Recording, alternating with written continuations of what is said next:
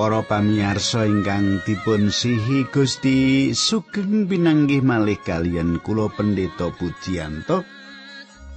Panjenengan badhe kula kancani sawatas wekdal menika wonten ing salebetipun adicara ingkang sampun panjenengan antos-antos.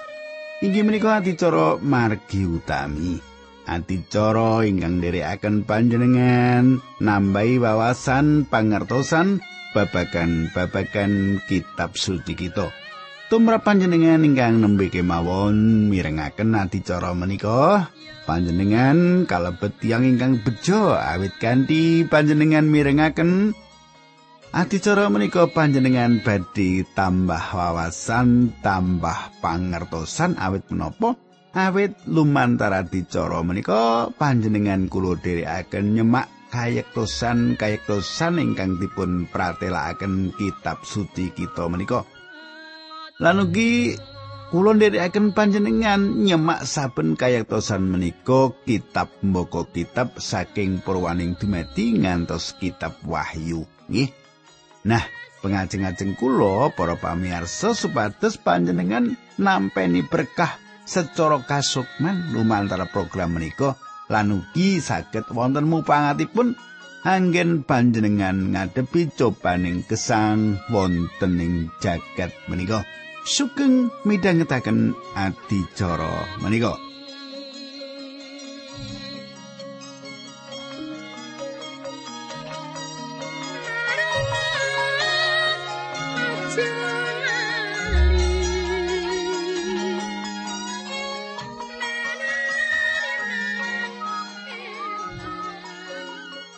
Para pamirsa awit saking kita sinau menika urutan saking kitab mboko kitab makaten nggih. Nah samenika margi utami sampun nderekaken panjenengan dumugi kitab kalih Korinta nggih. Kitab kalih Korinta. Pepanggian kepengker kita sampun nyemak kitab Korinta bab sekawan rampung nggih kalih Korinta bab sekawan rampung Samenika panjenengan kula dherekaken nyemak kalih Korinta bab gangsal ayat siji nganti songo riyin ayat siji nganti songo rumiyin. Nah pepanggen kepengker kula sampun ngaturaken dumateng panjenengan panjenengan kula dherekaken nyemak kados pundi Paulus bandingaken antawisipun panandang ingkang enteng samenika kalian kamulyan langgeng ingkang langkungi samudayanipun makaten nggih Nah, para pamirsa, kita ndedonga rumiyin nanging saderengipun ndedonga kula ngaturaken salam rumiyin nggih. Dumateng Ibu Suyati. Nggih, matur nuwun, Bu. Informasinipun ugi Ibu Suprapti, nggih Ibu Suprapti kali Ibu menika nggih Ibu Suprapti, Ibu Suyati ya. Monggo kita tumungkul kita ndedonga. Kanjeng Rama ing swarga kawula ngaturaken gunging panuwun menawi wekdal menika kawula saged tetunggilan kalian sederek-sederek kawula ingkang setya tuhu midhangetaken adicara menika. Tumrap sederek kawula ingkang nembe kemawon mirengaken supados kanthi mirengaken menika kapadangan manahipun kanthi pangandikan patuko linambaran asmanipun Gusti Yesus Kristus kawula nyuwun tuntunanipun Gusti. Haleluya. Amin.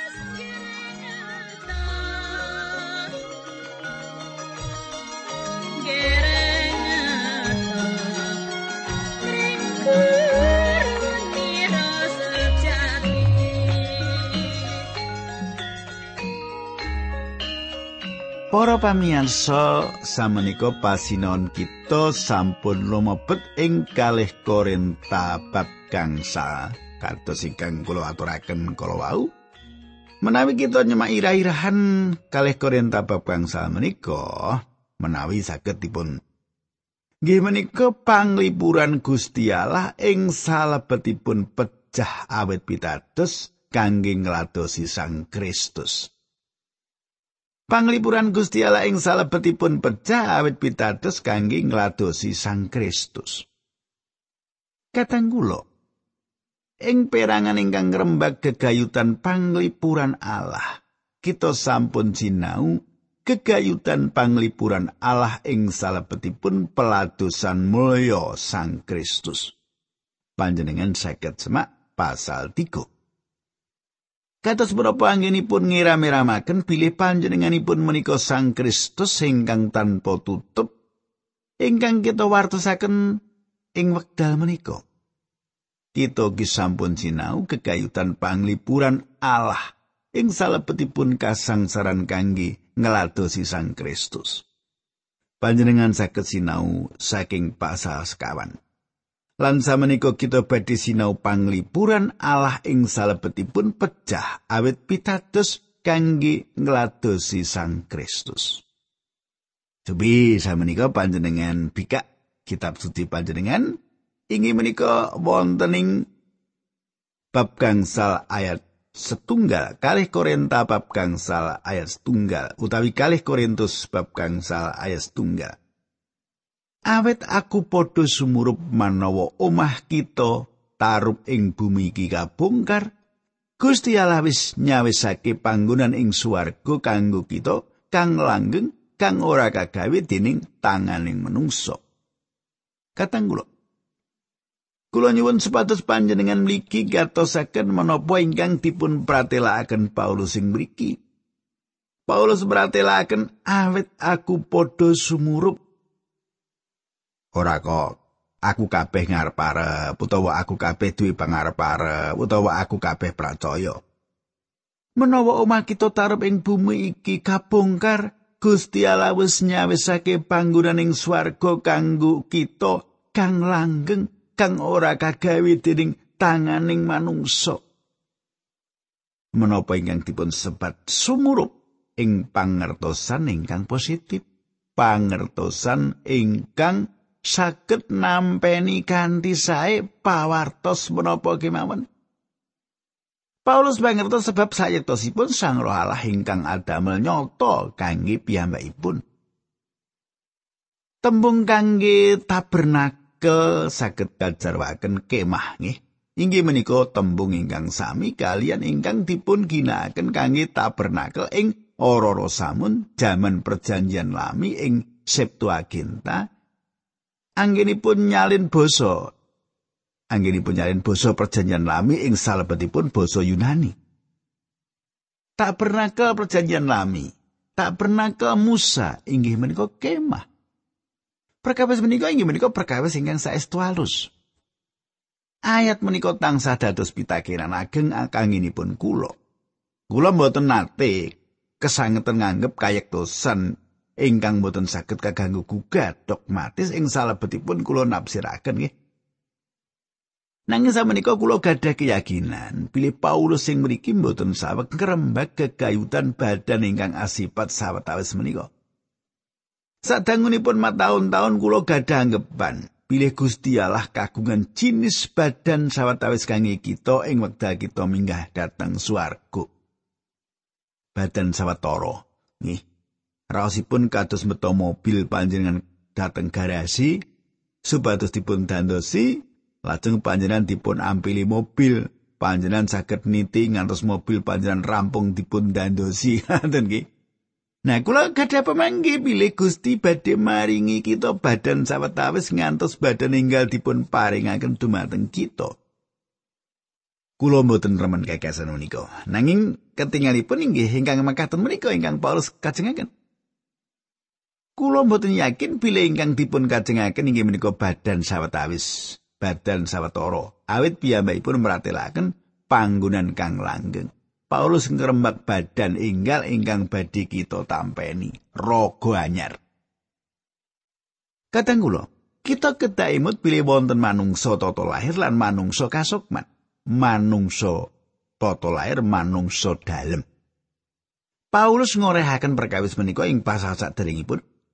Manungsa ingkang asipat tata lahir badhe risak nanging manungsa kasukman saking dalam badhe dipuninggalaken dinten ngadinten.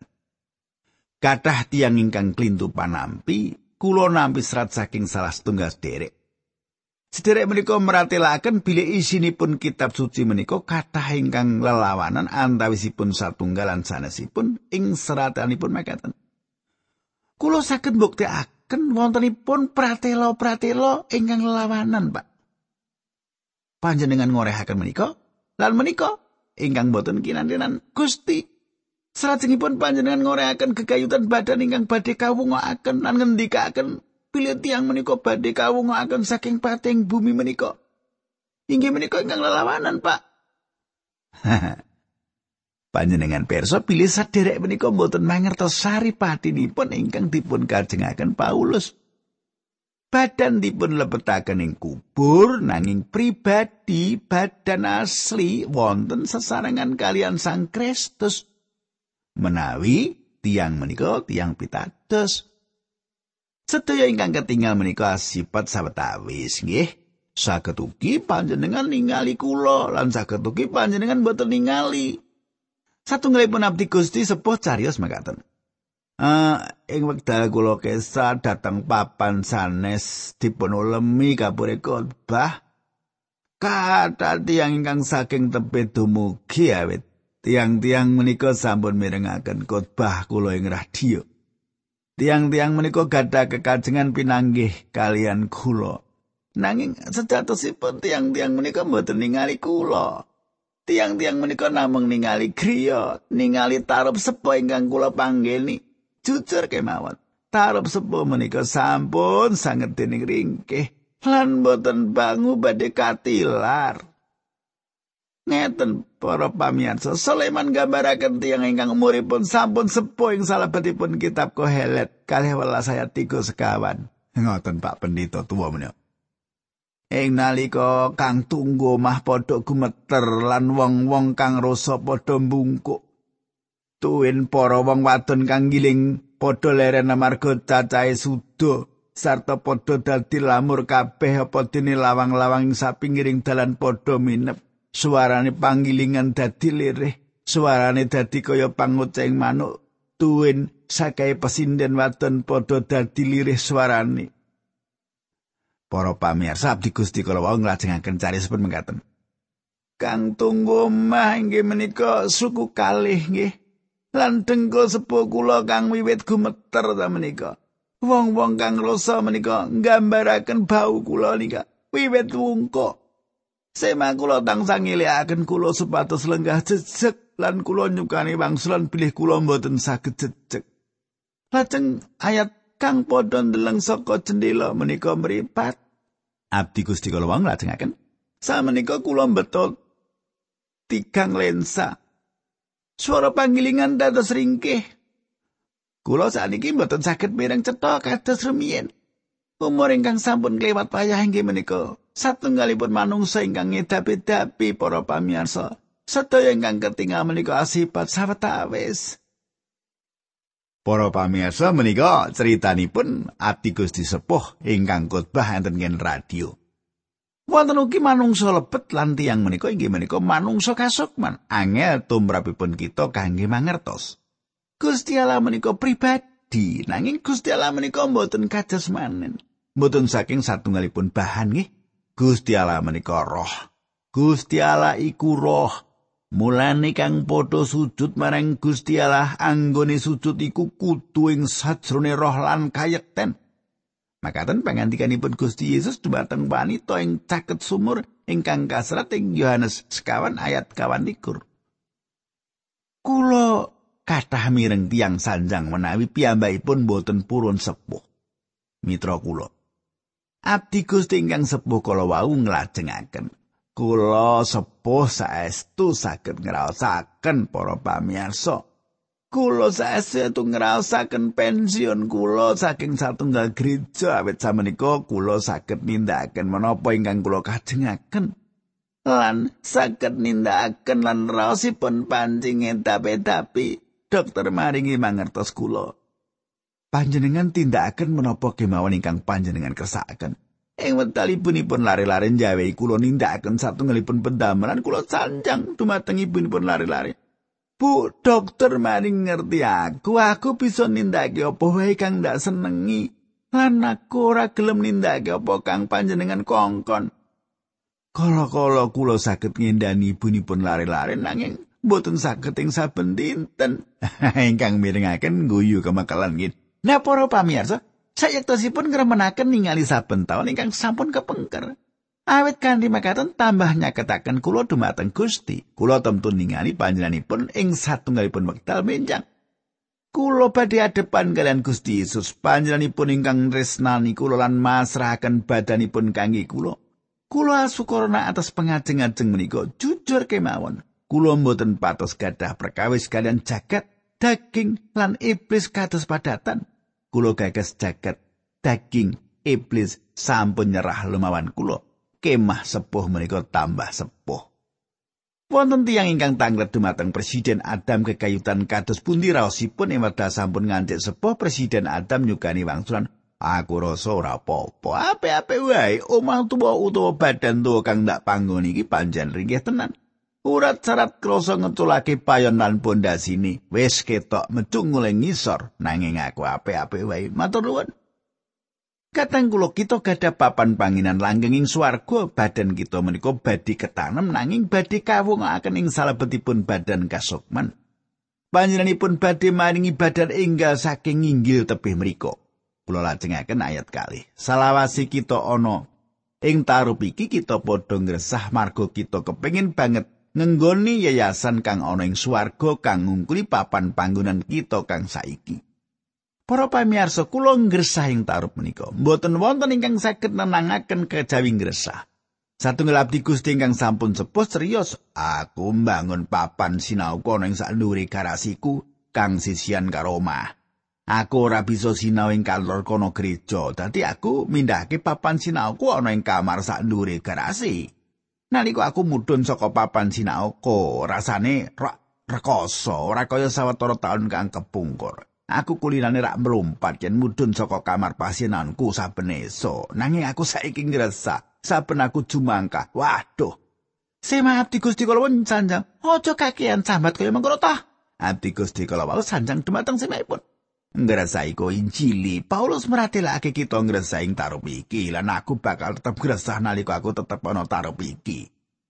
Para pamirsa kita lajengaken ayat 3 ana ing kono kita ora bakal tinemu wudo. pangandikan menika nyang semakan para pamirsa. Ing dinten-dinten menika Gusti Yesus badhe nimbali umat kagunganipun medal saking bumi menika. Kita badhe kepanggih kalian Gusti ngawang-awang lan kita badhe adepan kalian panjenenganipun kados menopo raosipun tumrap kita. Kita badhe ngrasuk rasukan kayektosanipun kita mboten badhe kepanggih wudo. Mboten sedaya tiang ngagem rasukan kayektosan Gusti ing wekdal tiang-tiang menika dipun akan saking pecah Sang Kristus. kang wis kaulungake awit saka panrak kita sarta kawungake awit saka anggon kita padha kabenerake rum sekawan selangkung ingkang dipun kersakaken inggih menika angin kita kabeneraken nanging wonten tiang ingkang boten nampi kayektosan Gusti tiang-tiang menika ingkang nampi Sang Kristus. Awit saking menika wonten patangin tiang-tiang ingkang yektos lan patangin tiang-tiang ingkang boten yektos Paulus nyebataken ing salebetipun para rasul kawan dikorat selangkung. Pilih badhe wonten patangenipun tiang pecah tiang ingkang mursid utawi tiang ingkang mursa. Gusti Yesus paring pangandikan ingkang sami ing salebetipun Yohanes kang ayat 29 banjur metu kang kelakuani becik tangilan urip ing salawasi kang kelakuani ala tangilan banjur kaukum. Kadang kula panjenengan tentu badhe sowan wonten ing pangayunanipun Gusti ing satunggalipun wekdal mangke. Menapa panjenengan badhe ngrasuk rasukan kayektosan Sang Kristus? Menapa panjenengan dipun tampi minangka ingkang dipun tresnani? Inggih menika wekdal ingkang sae nyebataken pilih kitab suci menika mboten namung ngucalaken kekayutan dinten pengadilan, nanging kathah pengadilan. Ongkos tunggal, wonten pengadilan ingkang dipun pikul Gusti Yesus Kristus ing kajeng salib. Awit saking Gusti Yesus menika nanggung pengadilan menika kangge kita, pramila panjenenganipun saged ngendika, Sa temen-temene pitutur kowe kowe wong kang ngrungokake pituturku sarta percaya marang kang ngutus aku, iku nduweni urip langgeng tuwin bakal ora bakal katut kaukum jalaran wis ngalih saka ing pati marang urip. Yohanes kang sayat palikur. Nomor kali wonten pengadilan pribadi ing salebetipun setunggal Korintus 11 ayat 3 nusa setunggal kasarat nanging menawa kita padha ndadaro awak kita dhewe kita ora bakal tampa paukuman Nomor tiga, wonten ing ugi pengajaran Gusti Allah atas tiang pitados. Gusti meto kita wonten ing gudang kajengipun. Amarga Gusti Allah matrapi marang kang ditresnani sarta ngebagi kang kaanggep putra Ibrani 12 ayat 6. Angka sekawan, pendamelan-pendamelan tiang pitados badhe dipun adili kados ingkang badhe kita sinau salajengipun ing pasal menika. Nomor gangsal, bangsa Israel dipunadili. Nomor 6, bangsa-bangsa sanes Yahudi badhe dipunadili. Nomor pitu, malaikat-malaikat ingkang dawah badhe dipunadili. Nomor 8, pungkasanipun wonten pengadilan dampar peta ingkang agung. Sedaya tiang ingkang kesasar badhe kabeta wonten ing mriku, tiang-tiang badhe katingal mudho. Tiang-tiang menika mboten ngagem rasukan kayektosanipun Gusti, tiang-tiang menika badhe dipunadili selaras kalian pendamelanipun kados ingkang tiang-tiang menika tindakaken. Nah, ayat sekawan kali Korinta bab gangsa.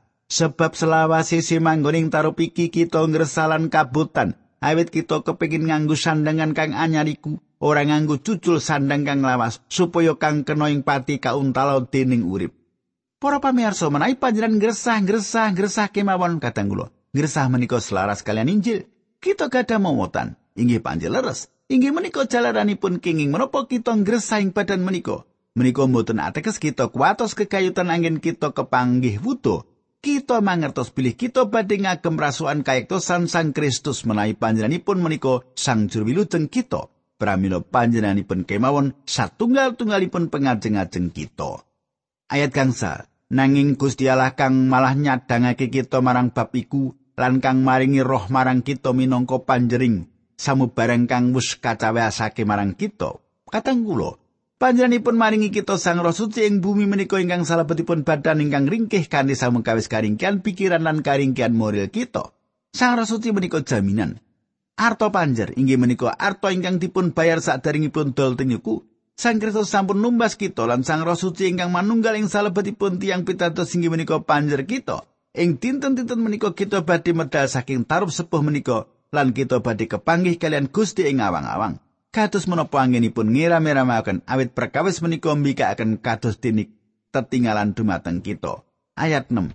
Awit saka iku atiku tansah padha tatak senajan aku padha ngerti menawa selawase aku padha manggon ing sadurunging badan iki isih adoh karo Gusti. Kadang kula, kita rumaos kerasan ing salebetipun badan menika.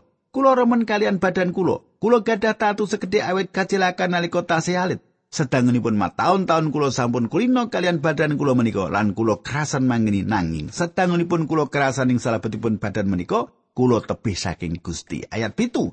Sebab urip kita iki sarana percaya ora sarana ndeleng. Kadang kula kados pundi Paulus saged yakin sanget bila ing wekdal kita nilaraken badan menika kita sesarengan kelan Gusti.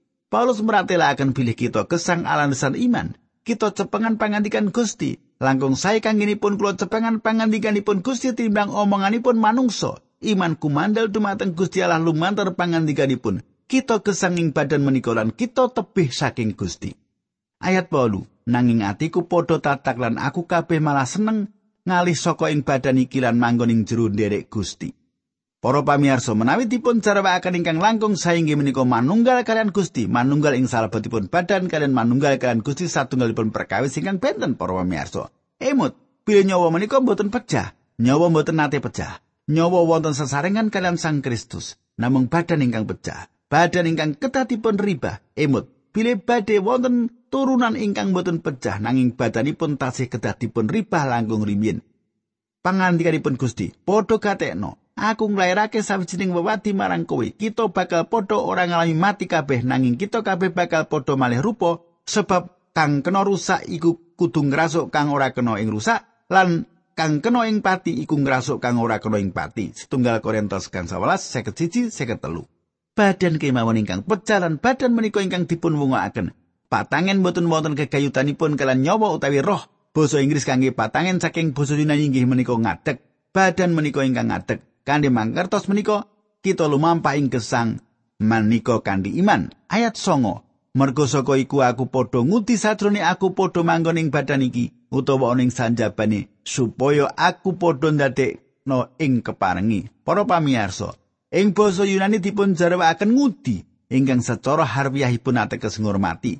Kekajengan badhe gayuh Basa ingkang sami dipun jarwakaken gesang ing salebetipun setunggal Tesalonika sekawan ayat 11 anggepen sawijining kaumatan menawa bisa urip tentrem, bisa ngurus perkara-perkaramu dhewe sarta bisa nyambut gawe kalawan tanganmu.